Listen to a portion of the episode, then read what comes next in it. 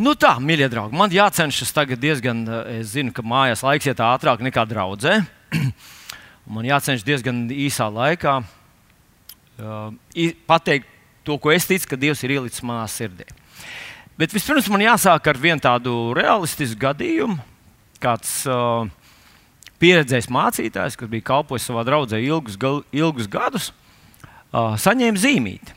Kāds no draugiem viņam atsūtīja to zīmīti. Un tas nav nekas neparasts. Mācītājs saņem ik pa laikam dažādas zīmītas, aploksnītas. un dažkārt bieza aploksne to atplēs vaļā, un tev sirds sāk dziedāt, bet tur ir gara vēstule un daudz pamācības. Un dažreiz vienkārši parasti zīmīti. Un šis mācītājs atvēra vaļā to zīmīti, un tajā zīmītē bija ierakstīts tikai viens vienīgs vārds Viņš lasa to, un tur rakstīts muļķis. Un, ziniet, mācītājs pie sevis sprieda, nu es jau ilgi kalpoju, bet šāds eh, notikums pirmo reizi manā dzīvē. Jo ļoti bieži cilvēki uzraksta kādu jautājumu, kādu komentāru, bet aizmirst parakstīties. Šajā reizē cilvēks bija parakstījies un aizmirsis uzrakstīt steigā vai satraukumā, uzrakstīt, ko viņš ir gribējis pateikt. Ziniet, Kaut kur apelsīns Pāvils salīdzina cilvēku dzīvi ar vēstuli. Salīdzina to ar tādu, tā kā, nu, ja gribam šajā gadījumā ar tādu zīmīti. Kādam tā sanāk garāka, kādam īsāka. Bet ko jūs domājat, vai ir iespējams, vai ir iespējama tāda lieta, ka kāds cilvēks sauc sevi par kristieti, un visu viņa dzīves vēstuli nobeidz ar vienu necilu parakstu - muļķis. Nekā īsti, ne par ko īsti viņa dzīve neteica. Neko nestāstīja, ne par ko nestāvēja. Nekādas vērtības tādas, ka cilvēks no malas, kas tūmā viņam atrastos, redzētu, nekā tāda nebija. Nu, kāds man teiks, nu, Vilni, nu, tu gan, tu, tu, nu, var jau, bet tu taču runā uz ticīgiem cilvēkiem. Vai starp ticīgiem cilvēkiem, vai starp kristiešiem, vēl vairāk, vai starp cilvēkiem, kas nāk uz prieka vēstī, kas klausās prieka vēstī, kas piedalās prieka vēstī, varētu būt kāds muļķis no visas savas sirds. Es ticu, ka tas tā nav. Es ļoti gribētu ticēt, ka visā mūsu lielajā, draudzīgajā, dažādajā, krāsainajā ģimenē nav neviens, kur dzīve ne par ko neliecina. Kurš vienkārši nodzīvoja, nu tā, kā saka, nu, kā sanāca, tā dzīvoja. Un tomēr muļķis jau nav slikts cilvēks. Nevienmēr muļķis ir slikts cilvēks. Viņš ir vienkārši pievilcis cilvēks. Un zinot, ko šodien es ticu, ka Jēzus caur svēto garu man deva šo vārdu, un tieši par tādu cilvēku, lai pasargātu mūs no tādas aplamības, viņš runāja. Jēzus runāja. Un pirmā rakstvietiņa, kur mēs iesāksim savu šīs svētdienas ceļojumu, ir Marka Evanģelijas 24. nodaļa Un 24. nodaļa, kā mēs zinām, ir tā, ar to ieskatu uz apakalipsi, uz laiku beigām. Un tomēr uh, 5. pantā viņš vēl nerunā par to. Viņš runā par laiku, kas īstenībā, es gribētu teikt, raksturoja Jēzus laiku jau, un visu šo laiku līdz apakalipsei, un, protams, arī visos tos turbulentajos notikumos, tas būs pavisam spilgti redzams. Nu, kas tad ir rakstīts Marka evaņģa, Mateja piedodiet 24. nodaļā, 5. pāns? Mateja 24, 5. Tur rakstīts tādi vārdi. Jo tad daudzi nāks manā vārdā un sacīs, es esmu Kristus, un tie pievils daudzus. Nu, kādu laiku atpakaļ man bija tāds priekšstats, ka kāds atnāks un teiks, es esmu Jēzus Kristus. Un man nāca smiekli. Jo es domāju, ka tādā veidā neviens mani piemānīt nevarētu. Esmu pārliecināts, ka arī tu neuzķertos uz tādas makšķers, pat ja viņš parādītos televīzijā, pat ja viņš būtu zelta uzvalkā vai milzīgi krustu uz muguras, uz galvas un rokā, un, un viņam būtu kaut kas nesams, un viņam būtu zīmogi, un paraksti, un attestāti un certifikāti. Mums sanāk smiekli. Mēs domājam, lai nu ko, nu, bet šitā mani paņemt nevar. Bet zinat ko? Jo vairāk es par to domāju, jo vairāk es sapratu, ka varbūt ka tas nemaz nav tieši domāts tā, ka cilvēks iznāks un teiks, es esmu Jēzus Kristus. Jo pirmais, ko mēs teiktu, parāda savus rokas un kājas. Bet varbūt ir tā, ka mēs katrs izveidojam, vai pasaulē cilvēki izveido savu priekšstatu par to, kāds tad ir Kristus, kāds ir Jēzus, un līdz ar to arī dzīvo. Un vai nav tā, ka pasaulē par Jēzu ir tik daudz priekšstatu, tik daudz visādu uzskatu. Un katrs domā, ka viņam ir tas īstenais un pareizais.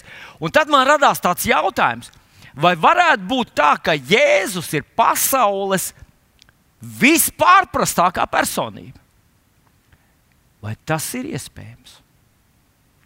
Nu, zinat, es esmu pārliecināts, ka laikam tieši tā tas arī ir. Jo, ja tu paskatīsies apkārt, tad kāds Jēzu attēlo kā bērniņu un saka, viņš jau ir Jēzus bērns. Mēs runājam ar mammu. Kāds Jēzu saskat tikai nu, krucifiksa formātā. Tur viņš karājās, asiņo, un, un, un viņš ir bēdīgs, un mēs jūtam viņam līdzi. Kāds saka, ka Jēzus ir ebrejs, kāds saka, ka viņš ir Jāzeps dēls. Un savā laikā Jēzus jautāja saviem mācekļiem, nu, ko tad cilvēki par mani saka? Un viņi, viņi teica, nu, tu esi pravietis, tu esi Jānis Kristītājs, iespējams, kāds domāja. Ja, un ja mēs šodien pajautātu cilvēkiem, nu, kas tad ir Jēzus? Kāds teiktu, Jēzus bija sava laika gudrais, filozofs, skolotājs.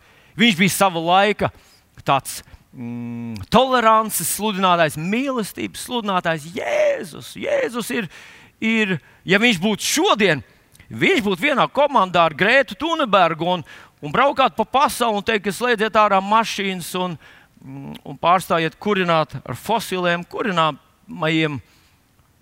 Varbūt vēl kaut kāds no tām mūsdienu populārajām mm, idejām, kurām nu, vecākās paudzes cilvēki piesargās un pretojas.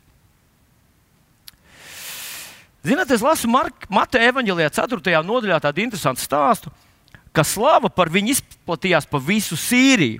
Un cilvēki atnesa ko tad? Neveselos, sērgu, sāpju pārņemtus, vēlnu apsēstus, mēnesi sērdzīgus un triekas ķertus, un viņš tos dziedināja. Ziniet, kāda slava Jēzum bija? Ka viņš ir ārsts. Viņš ir lielisks ārsts. Oi! Viņš dziedināja nāklo Bartimēju un spitālīgo šito un tos desmit spitālīgos. Ja tev ir kāda slimība, ej pie Jēzus. Un es domāju, visi, kas man dzird šodien, jūs man piekritīsiet, ka doktors ir tas cilvēks, no kura mēs vismazāk gaidām kaut kādas pamācības, kā dzīvot pareizi. Nu, paskatieties mūsu, mūsu laikmeta doktora uh, pazīmes. Doktors dara to, ko mēs viņam liekam. O, doktor, es gribu lūpas tādas, lai varētu aizsniegt savas ausis. O, doktor, es gribu, es gribu piekto izmēru, ne septīto izmēru, ne devīto izmēru. Es gribu būt pasaules lielākā mm, lieta, ko tu gribi iekšā. Un doktors, īsts doktors, īsts, normāls 21. gadsimta doktors, taču dara to, ko mēs viņam sakām.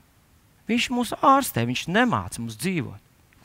Un daži cilvēki domā, ka Jēzus ir tieši tāds - doktors. Mēs nākam pie viņa tad, kad mums paliek slikti. Pēkšņi mēs sajūtam Jēzu.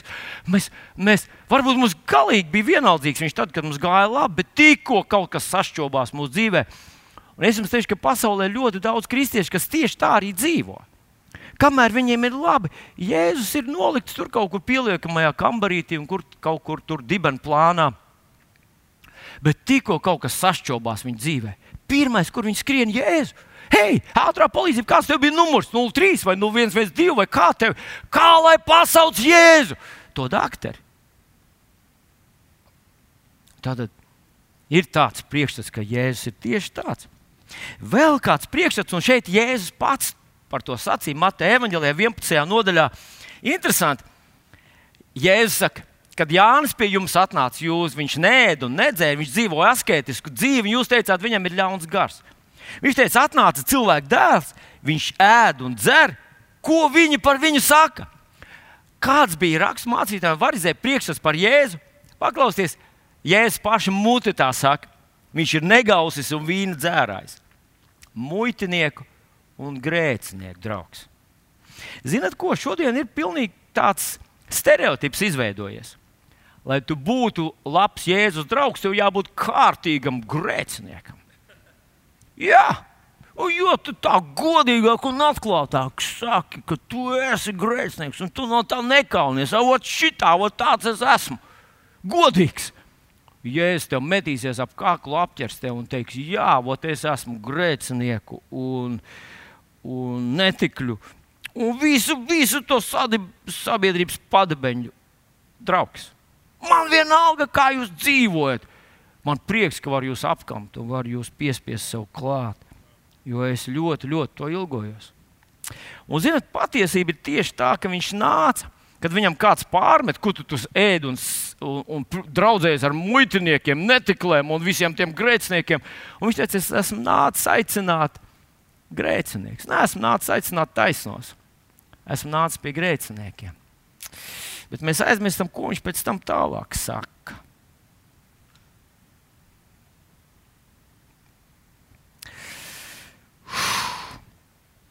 Es konstatēju arī, ka mācekļi viņu nepazina. Kristus mācekļi viņu nepazina. Viņi bija viņam tik tuvu, trīs ar pus gadus. Viņi redzēja viņa brīnuma zīmes. Viņi bija vētrā ar viņu. Viņi redzēja, kad viņš nostājās pretī dēmonu apsēstiem cilvēkiem, no kuriem pilsēta baidījās. Un tomēr, tad, kad viņš piecēlās vētrā un sāka runāt uz, vē, uz, uz vēju un jūru, mācekļi teica, kas tas tāds? Ir tāds ļoti zīmīgs notikums, kad Jēzus ienāca Jeruzalemē uz ēzelīša. Un mēs zinām, ka pravietis to jau bija pravietojis un jau bija stāstījis par to. Un it kā mācekļi, kas bija tradicionāli ebreji vīrieši, viņi zināja lielāko daļu vecās derības no galvas. Viņi varēja piecelties naktas vidū un nostāstīt pravietu Jēzai un pravietu Jēremiju un vēl daudz praviešiem. Psalmus daudzus viņi zināja vairāk nekā mēs ar tevi. Un tomēr tur rakstīts, ka viņi neko nesaprata, kas te notiek. Tikai vēlāk, kad viņš tika apskaidrots, tad viņiem ienāca prātā, ka tas par viņu ir uzrakstīts. Es esmu drošs, ka mācekļi neko par viņu nesaprata. Un, zinot, vēl jo vairāk jūs pēc mirklīša pārliecināsieties par to. Bet apelsīns Pāvils to raksta vēstulītē korintiešiem, 2. korintiešiem 5, 16, kur viņš saka, tā, no šī brīža mēs neviens vairs nepazīstam Kristu pēc miesas. Ja arī, paz, ja arī Kristu esam pazinuši pēc miesas, tomēr tagad vairs nepazīstam. Ko viņš ar to grib pateikt? Viņš ar to grib pateikt tieši to pašu, ko Jēzus teica Pēterim, kad Pēters teica, Tu esi Dieva Kristus. Un Jēzus saka, ne jau miesa un asins tev to atklāja. Tu to nevarēji redzēt, paskatoties uz Jēzu, uz viņa cilvēcisko ķermeni. Tu nevarēji redzēt. Viņam vajadzēja lūgt, Ja nemaldos, tas bija Jāņa Evanģelijā 14. nodaļā, kur viņš saka, 11. pantā, nu ticiet, ka es esmu tēvā un tēvs ir manī. Bet, ja nē, tad vismaz to darbu dēļ ticiet. Viņi neredzēja to, nesaprata, nepazina viņu, kas viņš tāds ir. Tomēr es nojautu, ka viņš ir viens no diženākajiem skolotājiem. Vai tas ir svarīgi viņu pazīt? Vai tas ir svarīgi Jēzu pazīt. Nu, atcerieties, Jēzus teica, ka nāks daudz manā vārdā, un cilvēks pievils. Un pievilcis cilvēks ir tas, par ko es sākumā mazliet ieminējos, ka tas ir cilvēks, kurš domā, ka viņam ir patiesība, bet nav. Un to varētu nosaukt par nu, tajā vārdā, sliktajā. Kā es viņu varu iepazīt? Kā, ja tas ir svarīgi, man viņu pazīt, un mācekļi pat viņu nepazina. Un pēc miesas nevarēja pazīt ilgu laiku savas ticības dzīves, es domāju, ja es būtu bijis blakus Jēzum, tur tos trīs ar pus gadus, es gan zinātu, kāds viņš ir. Bet izrādās, ka tas nemaz nebija tik viegli. Kā tad es viņu varētu pazīt? Ziniet, Bībelē ir viena grāmata, kur tieši priekš tam ir radīta. Viņi ir tieši priekš tam radīti, lai savilktu visu to, kas par Jēzu ir teikts, un pastāstītu un parādītu mums, kāds viņš Jēzus patiešām ir reālais, īstais Jēzus Kristus, Mesija, kāds viņš ir. Un ne tikai tas, tā ir grāmata, kas mūs sagatavo tiem apakaliptiskajiem notikumiem, par kuriem Jēzus runā tajā nodaļā, ko es nu pat pieminēju, Matei 24. kur viņš runā uz, skatoties uz priekšu, un vēlāk viņš tieši runā par pēdējiem laikiem. Kas tā par grāmatu ir? Es domāju, ka lielākā daļa no mums zinām, kas tā par grāmatu ir. Tā ir Jāņa atklāsmes grāmata. Jāņa atklāsmes grāmatā ir trīs lietas. Tur ir uzrakstīts tikai trīs konkrētas lietas. Viņi ir sadalīti trīs dažādās nodaļās. Un tā pirmā vēsts, tā pirmā ziņa, ko atklāsmes grāmata mums grib pateikt, ir, kāds ir viņš. Atklāsmes grāmatā, pirmajā nodaļā, 19. pantā, Jēzus saka apstulim Jānim, kurš atrodas šajā te, uh, atklāsmes vietā, viņš saka, raksti, ko tu esi redzējis, raksti to, kas ir un to, kas būs. Tātad vispirms tas ir tas, ko Jānis redzēja. Viņš redzēja Jēzu. Un par to mēs šodien tā būs pirmā lietiņa, par ko gribētu ļoti, lai tu pievērsi savu uzmanību un sadzirdēsi. Es ļoti ticu, ka svētais gars tev to spēs ielikt tavā sirdī, jo es to izdarīt laikam nevarēšu. Otrā lieta, viņš runā par to, kas notiek Jāņa laikā, un tās ir tās septiņas draudzes, kurām Jānis sūta vēstules. Tā ir realitāte, tas ir tā situācija, kurā Jānis dzīvo, un tā ir tā situācija tajās draudzēs. Tas bija laika, Jāņa laika biedri. Un pēc tam Tātad pirmā, pirmā nodaļa ir Jēzus atklāsme, otrā, trešā nodaļa ir šī konkrētā viņa laika situācija, un ar uh, ceturto nodaļu sākās ieskats nākotnē. Un es gribu teikt, ka tu neesi gatavs iet nākotnē, tu neesi gatavs iet tajos apakaliptiskajos notikumos, jo neesi izpratis pirmo nodaļu. Man ļoti gribētu šodien aizskārt arī otro un trešo mazliet, trīs lietiņas.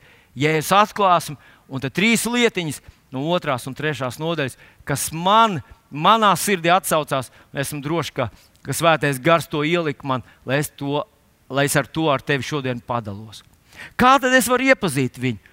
Tā ir Jāņa atklāsmes grāmatas pirmā nodaļa.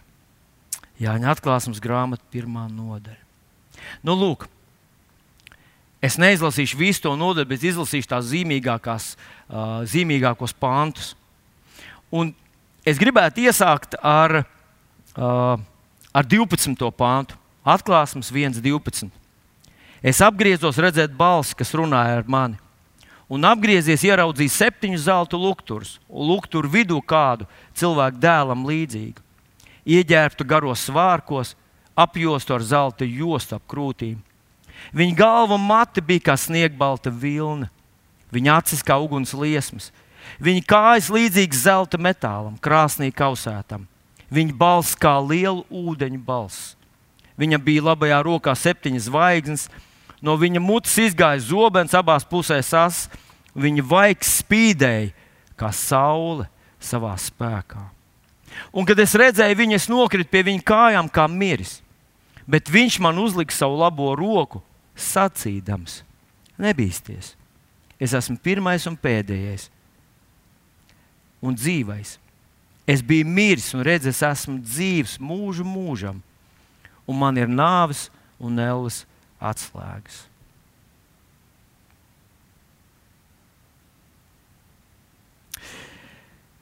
Pirmā lietiņa, ko es gribu atzīmēt, ir, te ir aprakstīts uh, kaut kas, kas varbūt tavā manā apziņā neizsauc kaut kādas lielas spilgtas emocijas. Un tomēr viņa galva mati bija kā sniegbalta vilna, viņa acis kā uguns liesmas, viņa kājas līdzīgas zelta metālam, krāsnī kausētam, viņa balss kā liela ūdeņa balss. Viņam labajā rokā bija septiņas zvaigznes, no viņa mutes izgāja zobens, abās pusēs asins. Viņa vaigs spīdēja kā saule savā spēkā. Kad es redzēju viņu, es nokritu pie viņa kājām kā miris.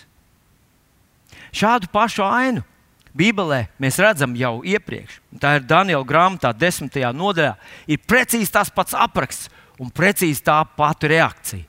Daniels ieraudzījis cilvēku dēlu, Jēzu Kristu, nokrīt kā mirs. Ar Dānielu to vēl varētu saprast. Bet Jānis, Jānis taču bija tas, kurš bija staigājis ar Jēzu trīs ar pus gadus. Jānis bija klausījies viņas prediķis, Jānis bija piedalījies paēdinot tur, tur tos 3000 un 5000. Jānis bija sēdējis laivā, kad redzēja, ka Pēters staigā pa uh, jūras viļņiem. Jānis bija uz apskaidrošanas kalna. Jānis šeit vairs nav jauns puika. Viņš ir pieredzējis vajāšanas. Viņš ir pieredzējis, ka viņu vēlas nogalināt. Tradīcijas stāsta, ka Jānis gribēja dzīvu izvārīt eļļā, un kad uzvārīja eļļu un iemet Jānu iekšā, apstuli Jānu. Viņam verdošā eļļa neko nevarēja nodarīt. Un tad Romas prokonsuls teica, šito mēs nevarēsim nogalināt. Vienīgā iespēja aizsūtīt viņu tālu prom uz neapdzīvotu salu, lai viņš tur viens pats vientulībā nomirst. Un nu šis sirmais Jānis ieraudzīja Jēzu. Un tā vietā, lai teiktu, oh, Mēsīs, it pieci, viņš nokrīt kā miris viņa priekšā. Un kāpēc tik radikāla pārmaiņa? Un, zinot, es ne, man var, iespējams, ka es neesmu gan talantīgs, lai to aprakstītu, bet man gribējās parādīt to, ka apelsīns Jēzai to raksta 53. nodaļā, kas, kas ir tas, ar ko saskārās Jānis un viņa 12 kolēģi 3,5 gadus. Un tur bija rakstīti tādi vārdi. Viņam nebija nekāda izskata, nedz arī kāda skaistuma, lai mēs to ar lapatiku uzlūkotu. Tur nebija nekā ārēji redzama, lai mēs viņām būtu atraduši ko patīkamu. Kad viņi skatījās uz Jēzu miesā nākušo dievu dēlu, viņi redzēja parastāko cilvēku no parastākiem. Viņš saka, tur nebija nekā tāda, kur piesiet acis. Es nezinu, kā tas bija Jāņa laikā. Mūsu laikā skaistums nozīmē, paskatieties, lielākā daļa neprasa, kā tavs bērns paklausīgs, cik viņš ir dievbijīgs, cik viņš ir raksturs stiprs. Visi mēs jūtam, kāds skaists bērniņš!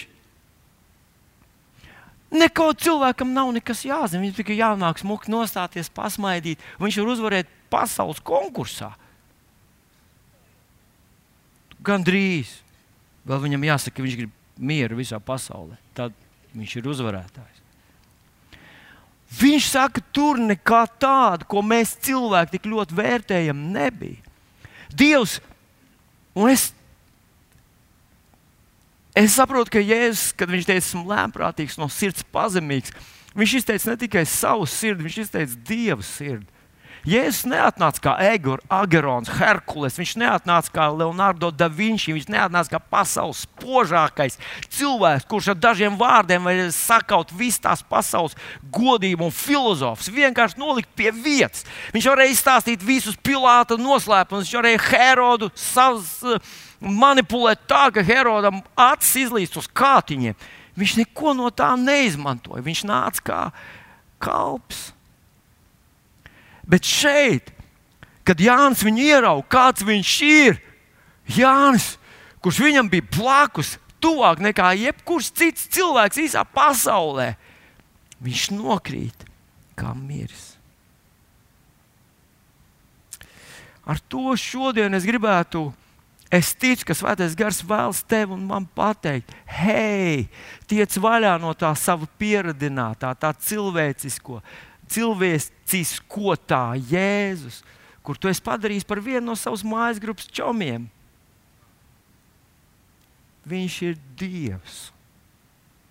Viņš ir Dieva dēls. Ir milzīga starpība starp podu, pat ļoti skaistu podu, mākslīgi izveidotu mālu trauku un pašu mākslinieku. Un Dievs ir tavs un mans autors un mākslinieks. Tev kaut kas izdodas. Uf, nesalīdzini sevi ar viņu. Viņš ir kungu kungs un ķēniņš. ķēniņš. Bet ļauj man vēl mazliet atgādināt, ko tad Jēzus vēl šeit saka, ne tikai kā viņš izskatās. 8. pantā. Es esmu alfa un omega. Visi mēs zinām, ka alfa un omega ir grieķu alfabēta pirmais un pēdējais burts. Un viņš saka, es esmu alfa.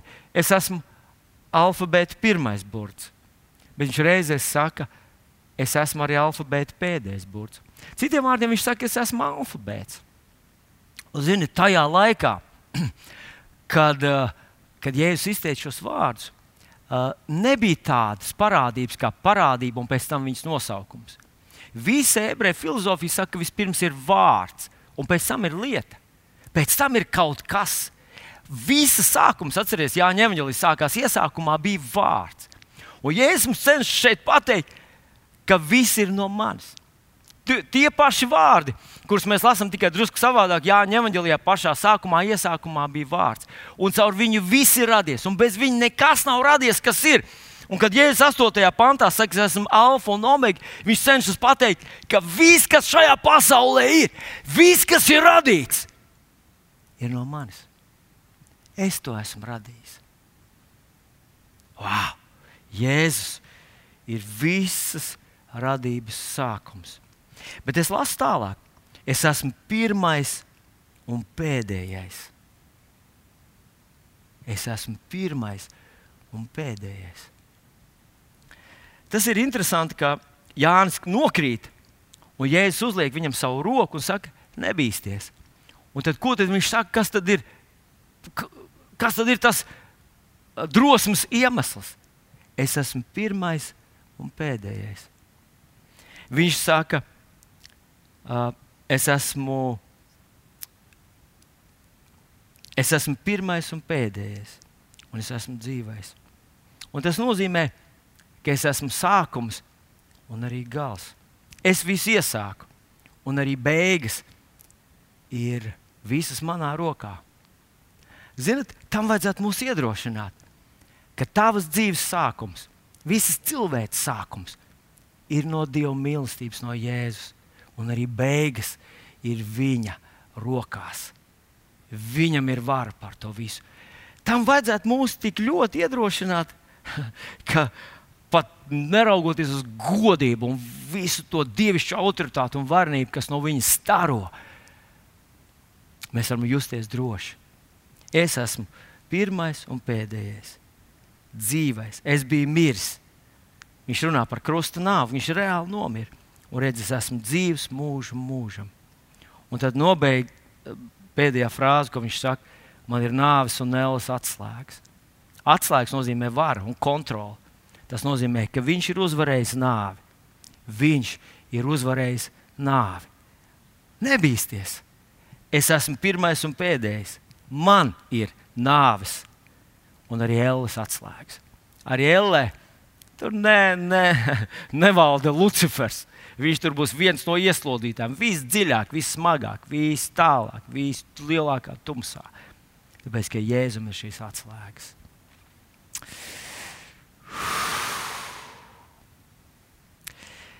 Īsnībā jau Jēzus, tad, kad viņš uh, vēl staigā pa zemi, viņš izteica tādus vārdus: debesis un zemes zudīs, mani vārdi nekad nezudīs.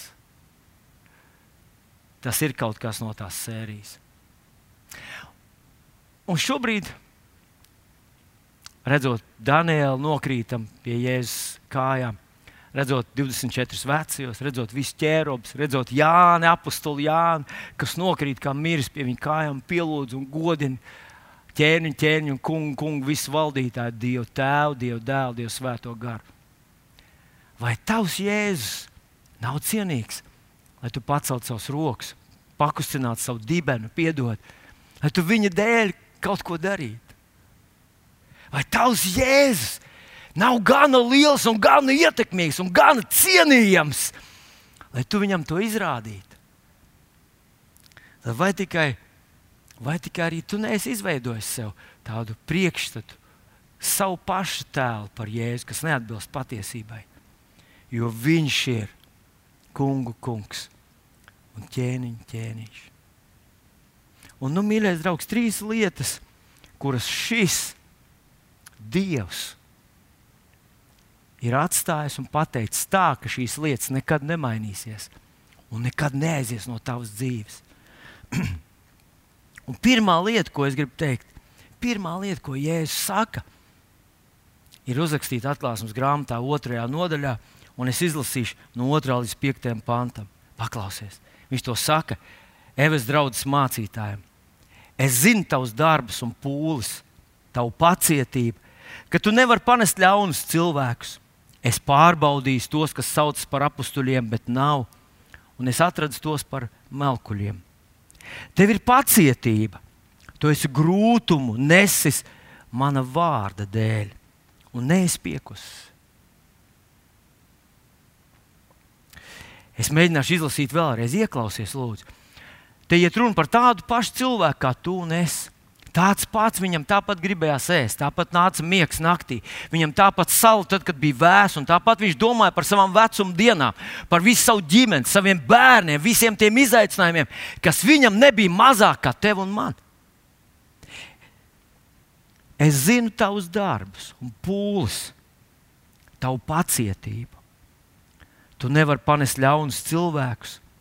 Es pārbaudīju tos, kas saucas par apstuļiem bet nav. Es atradu tos par melkuļiem. Tev ir pacietība. Tu esi grūtumu nesis mana vārda dēļ, un neesi piekus. Tas cilvēks bija smagi strādājis. Viņš bija pacietīgs. Viņš bija tiešām nopietni attiecies pret savu ticību un cilvēkiem, kas viņam kalpoja, vai kas izlikās par kalpotājiem. Viņš teica, tu esi grūtumus pacietis mana vārda dēļ. Ziniet, tas priekšstats par Jēzu, kurš jebkurā dzīvē un jebkurā situācijā vienīgais, ko grib ienākt tavā dzīvē un papliķēt tev pa plecu un teikt, ārprāts, es esmu šokā par to, kā tu esi varonīgi nodevies. Un tu neesi ne nodevies neko. Ne tu esi grūtums ciets, ne pa īstam riskēs ar savu dzīvi Jēzus dēļ. Viņš nevar teikt tādus vārdus. Kāpēc? Jo tad viņš vienkārši būtu liekulis, kā mēs viens otram kādreiz liekuļojam. Oi, kāds tu labi izskaties! Un nevienmēr mēs taču zinām, ka mēs, dažreiz tu aizej uz slimnīcu un cilvēks tur nu, izskatās nu, slikti. Un mēs vajag, cik tu labi izskaties. Mēs zinām, nu, es vienkārši saprotu, ka Jēzus ir nav tāds, kurš sacīs vienkārši kaut ko muļķīgu, lai tik tu labi jūties. Bet tad 4. pantā viņš saka, bet man pret tevi ir tas, ka tu esi atstājis savu pirmo mīlestību. Bet es tik smagi strādāju! Jā, bet darbi nevar aizvietot tavu sirdi. Jā, bet es izcietu tik daudz, un redzu, man tik daudz darba, man ir bērni tik daudz, un man ir, man ir nu, visi tie simts atbildinājumi, kuri mums ar tevi ir pareizi. Un tad vēl ir divi tādi, uz kuriem mēs domājam, ka Dievs nobalēs, kad mēs viņus izteiksim, cik grūti es jūtos. Un par spīti visam tam, viņš saka, man vajag tavu sirdi. Atcerieties, Pāvils raksta 1. korintiešiem, vēstulē 13. nodaļā. Viņš saka, ja tev būtu, tu, tur būtu atdevis visu, tu, tur būtu, tur nezinu, kāds tur ziedotājs un, un, un, un ticības pilns, un viss tev būtu, bet tava sirsniņa būtu prom. Man tas neko nenozīmē. Pirmkārt, ko es gribu, tavu sirdi, es gribu personīgi tevi. Es gribu, lai tu nāc pie manis no visas sirds. Es gribu, lai tu runā ar mani. Es gribu, lai tu atzīsties man mīlestībā. Es gribu, lai tu dabūji savu sirdi šurp. Viņš pat ielika mehānismu. Viņš teica, tur, kur tā manta, tur būs tavs sirds. Es gribu tavu sirdi. Un es saprotu, ka Dievam vajag personīgas attiecības ne tikai tad, kad es būšu tur, tajā pusē, Jordānai, tajā pusē, viņā krastā. Es domāju, tad, kad būšu atstājis šo savu zemes dzīvi, un tur tad es teikšu, kungs, nu tagad es metīšos tev ap kaklu. Viņš teiks, man vajag tevi šeit. Par spīti tam, ka šajā dzīvē mums ar tevi ir grūtības. Es gribu tavu mīlestību, īstu, patiesu, dziļu, godīgu mīlestību. Viņš grib personīgas attiecības ar tevi šeit. Un tas nav atceļams, tas nav izmaināms. Viņš saka, ja tu to nemaini, pārdomā, no kā tu esi atkritis. Ja tu to nemaini, tu gribi to mainīt. Es gribu to mainīt. Dievs, es saprotu, darbi nevienmēr runā par to, kas notiek sirdī. Es gribu, lai man darbi runā par to, kas notiek manā sirdī. Viņš grib, lai tā būtu ar tevi. Otra lieta, ko šis, šis Jēzus, kurš atklājas kā radītājs, kā Dievs. Otra lieta, ko viņš saka, ir otrā vēstulītē, Jā, Marka 8, 38, ka viņš saka, ja kas manis un manu vārdu dēļ kaunas šai laulības pārkāpēji un grēcīgā sirdī, es apsēdīšos mazliet. Man jāizstāsta viena neliela ilustrācija. Tā bija reāli no manas mācītāja tikšanās ar vienu jaunu, simpātisku, gaišu, brīnišķīgu, talantīgu, jaunu kristīgu māsu. Tas bija ļoti, ļoti sen, un neviens no jums viņu nepazīst. Viņa sen vairs nav Latvijā. Viņa aizbrauks kaut kur tālu, tālu prom pasaulē. Bet viņa man stāsta tādu lietu. Viņa izteica savu vajadzību, ka mācītājiem mums vajadzētu lūgt par manu puisi, uh, lai, lai, nu, lai viņš saprotu, lai mēs varam noslēgt laulību ar to puisi, ko Dievs man ir devis. Un es saku, nu, pastāst man mazliet par to puisi. Viņa sāk mazliet stāstīt par viņu, jā, es esmu saņēmusi, un Dievs man deva vārdu, un tas ir mans puisis, un tā tālāk. Un es saku, un kas tad ir par problēmu? Un viņi saka, nu, jā, nu redzi, viņš vēl tā nav tik drošs. Viņam ir viens iepriekšējās attiecības, bet viņš tā kā domā, un viņš tā kā nu, grib saprast, un tā tālāk. Un tikko es dzirdēju šādu stāstu, es pateikšu, nu, kā, es, kā es to atceros. Es burtiski jūtu, ka svētais gars nonāca par mani un teica, tas nav tavs puisis. Viņš nav tavs tevis cienīgs. Viņš nevar atstāt savu veco brūti. Es burtiski teicu tādiem tautas valodā. Ja tas puisis nevar atstāt savu veco brūti, tas nav tavs puisis. Dievs tev dos kādu citu īstu cilvēku, īstu puisi, kurš tevi cienīs un mīlēs un zinās, ka tu esi viņa vienīgā. Zinat, ko? esmu pārliecināts, ka tieši tāda attieksme ir Jēzum. Saprot, tu nevari būt slepens mans māceklis. Tu nevari būt slepens mans līgavains. Tu nevari paklusot un flirtēt ar visiem citiem, un tad, un tad paklusot, teikt, īstenībā es jau īstenībā gribu, domāju, būt ar tevi kopā. Tas nav iespējams. Viņš sevi gana ciena, viņš sevi gana respektē. Viņš zina, kas viņš ir. Atcerieties, viņš, viņš ir tas, kurš visu radīs. Viss ir no viņa. Man nāk prātā absolūti Pāvila vārds, kurus viņš saka kolosiešu vēstulītē. Uh, 16, 17. pantā, kur viņš saka, lai neviens jūs netiesā ēdienu, dzērienu dēļ, sakarā ar svētkiem, jau no mēneša vai sabata, jo tās ir nākamības ēna. Viņš saka, ir, tā ir ēna no tām lietām, ka jānāk. Un tad viņš saka, 17. pantā, bet nākamība ir Kristu. Tā ir ziņā, ka tā īstā dzīve, tā īstā godība, tā īstā slava, spēks, kalpošana ir Kristus.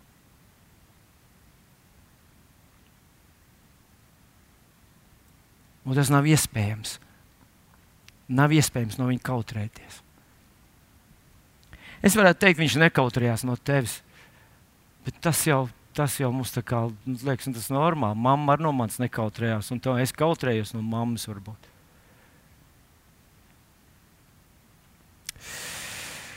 Pāvils saka tādus vārdus 2. Timotejam 3.12. Jo katrs, kurš grib svētbijīgi dzīvot Kristu Jēzu, arī tiks vajāts. Katrs, kurš patiešām grib izvēlēties Jēzu kā savu kungu un glābēju un nekaunēsies no viņa, viņš tiks vajāts. Būs kāds, kas par tevi smējas. Apstults Pēters saka, ka pēdējos laikos būs nikni smēji, kas iznirks, smiesies par tevi. Viņiem varbūt būs pašiem savu koncepciju par to jēzu, ka tas ir jēzus, kurš visu piecieš. Viņi var ielikt somiņā un izvilkt ārā. Viņi var pasaukt tad, kad tev ir slikti, tad, kad tev vajag palīdzību, tad, kad tev vajag tādu klusu, kaut kādu pārdabīgu mierinājumu. Tad viņi paņem to jēzu, bet viņš tāds nav. Viņš vai nu ir tavs kungs, vai viņa nav. Un viņi smiesies par tevi, ka tu tik naivi, tik bijīgi, ka tu tik ļoti paklausīgi respektē viņu vārdus, ka tu tā pieķeries viņam, ka tu tā centies izpildīt katru viņa norādi. Viņiem liksies tu smieklīgs, ģeķīgs un vientiesīgs. Katrs, kurš grib svētbīgi dzīvot Kristu Jēzu, tiks vajāts, mīļais draugs. No tā nevar izvairīties. Ja tu esi Kristus māceklis, ja Viņš ir tava nākamība, ja Viņš ir tavs glābējs, ja Viņa rokās ir tava nākotne, Viņš ir tavs sākums un tavas arī beigas, tad tev jāsamierinās ar to, ka kāds par tevi ņirks. Varbūt cilvēks, kur tu cienīji, sāks ņirkt par tevi. Un tā ir ļoti bieža parādība, ka kāds, kur tu cieni, dara to, ko tu ienīsti. Un tas ir mans trešais punkts šodien. Kad mēs lasām otro un trešo nodaļu, un es ticu, ka tā ir atklāsmes grāmatas svarīgākās nodaļas. Otrā un trešā nodaļa ir tas, ko Jēzus saka savu laiku ticīgiem, un ko viņš saka ar mums, pirms mēs ieejam tajās turbulentajās pēdējo laiku dienās. Viņš saka, ir lietas, kuras es ienīstu.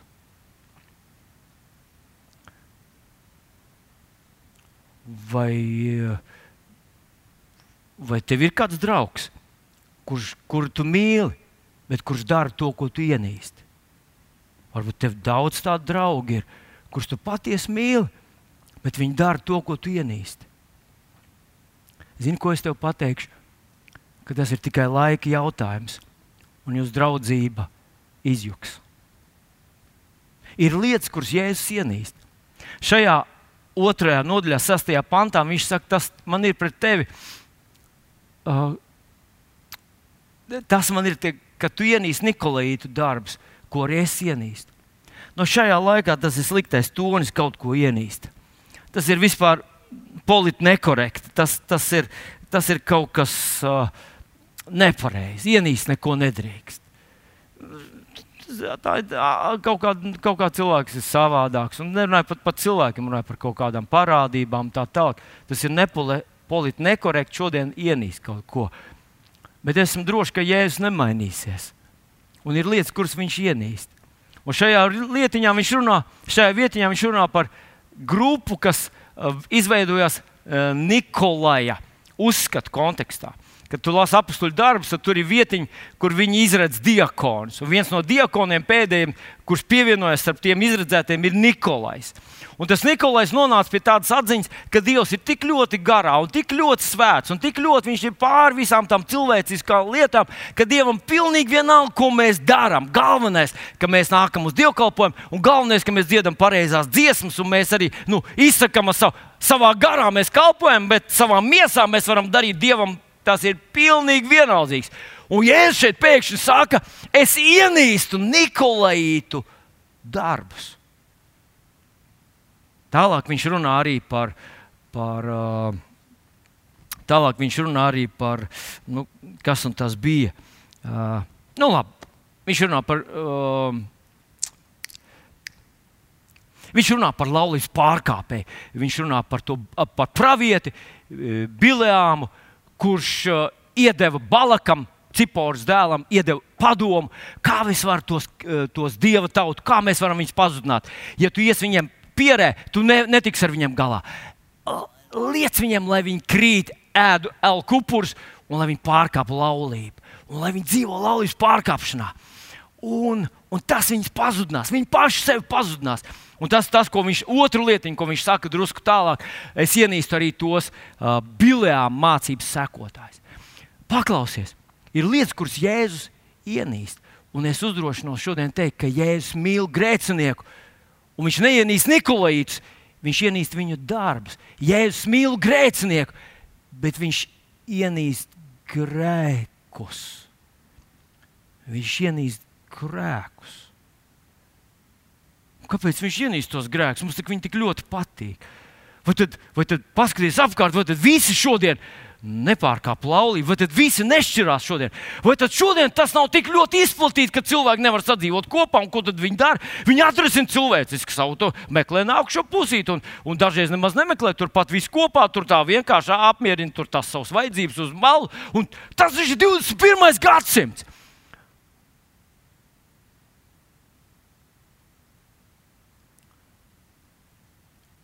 Viņš ienīst vēl aizvien to grēku. Un, kad mēs lasījām Marka, ev, piedodiet, Mateja evanģēlijā 11. nodaļā, kur Jēzus saka par to, ka jūs runājat, ka esmu grēcinieku un, un uh, muitinieku draugs. Ja es ēdu un dzēru un esmu kopā ar viņiem, un jūs sakat, ka esmu grēcinieku un muitinieku draugs, un, un viņš tiešām tāds ir. Tu nevari būt tik zem nokritis, lai Jēzus pārstātu būt tavs glābējs un pestītājs. Viņš pastieptu savu roku pret tevi.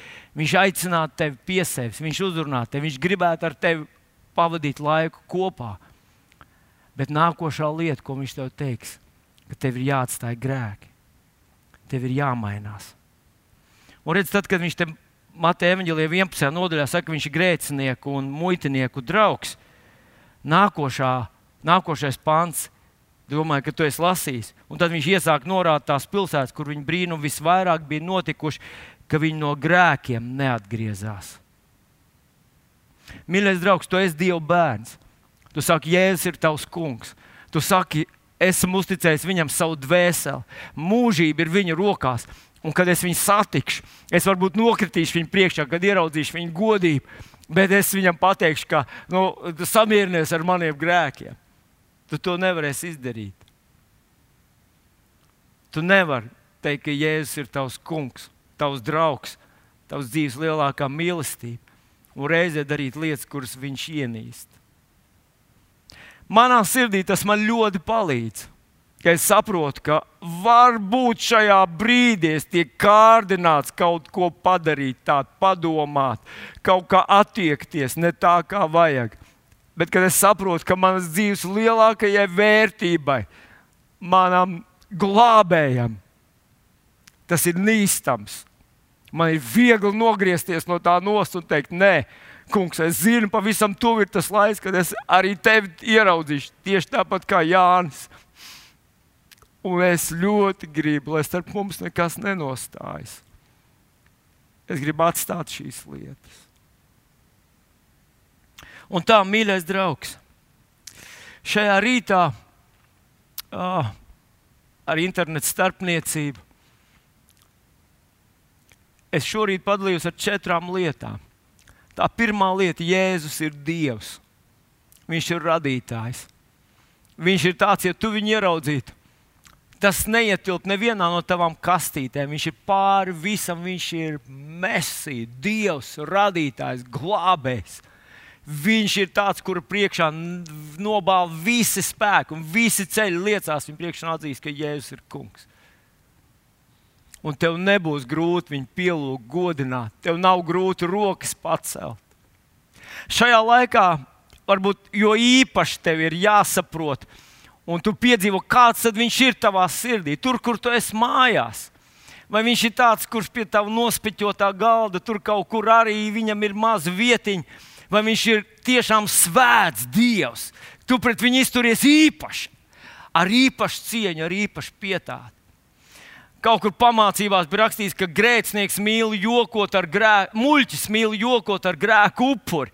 Mēs ar tevi nejokojam ar Jēzu, ar viņa vārdu. Mēs nejokojam ar viņa klātbūtni, nejokojam ar viņa nopelnu, nejokojam ar viņa apsolījumiem. Viņa vārds ir jā un amen, un tās nemainīsies nekad. Visa šī pasaule paies, bet viņa vārdi paliks. Tāds viņš ir. Un tad tā pirmā lieta, ko viņš teica, viņš teica, es gribu, lai mums ar tevi ir personīgas attiecības. Otrā lieta ir, ko viņš teica. Es gribu, lai, es gribu, lai tu nekaunies manis. Es gribu, lai tu nekaunies no manis. Es gribu, lai tu apzinājies, ka es esmu kungu, kungs un ķēniņš, ķēniņš. Viss šī pasaule nav vienas manas asaras vērta. Un trešā lieta ir lietas, kuras viņš ienīst, un ir lietas, kuras viņš mīl. Un mēs ar tevi gribam šīs respektēt. Un es ļoti gribētu, lai tu šodien nevis, nevis baidies, nevis, nevis kaut kā uh, tā māņķicīgi ieraujies sevi un sajūties necienīgs. Nē, taisnība otrādi ka tas debesu un zemes radītājs nāca pie tevis. Viņam tu likies gana vērtīgs un gana dārgs. Viņam tu esi vajadzīgs. Viņš grib tev palīdzēt visā tavā dzīvē. Viņš šis Jēzus pagodinātais, apskaidrotais ir ienācis tavā sirdī un dzīvo pie tevis. Respektēt viņu. un nosturēt viņu dārgu un svarīgu.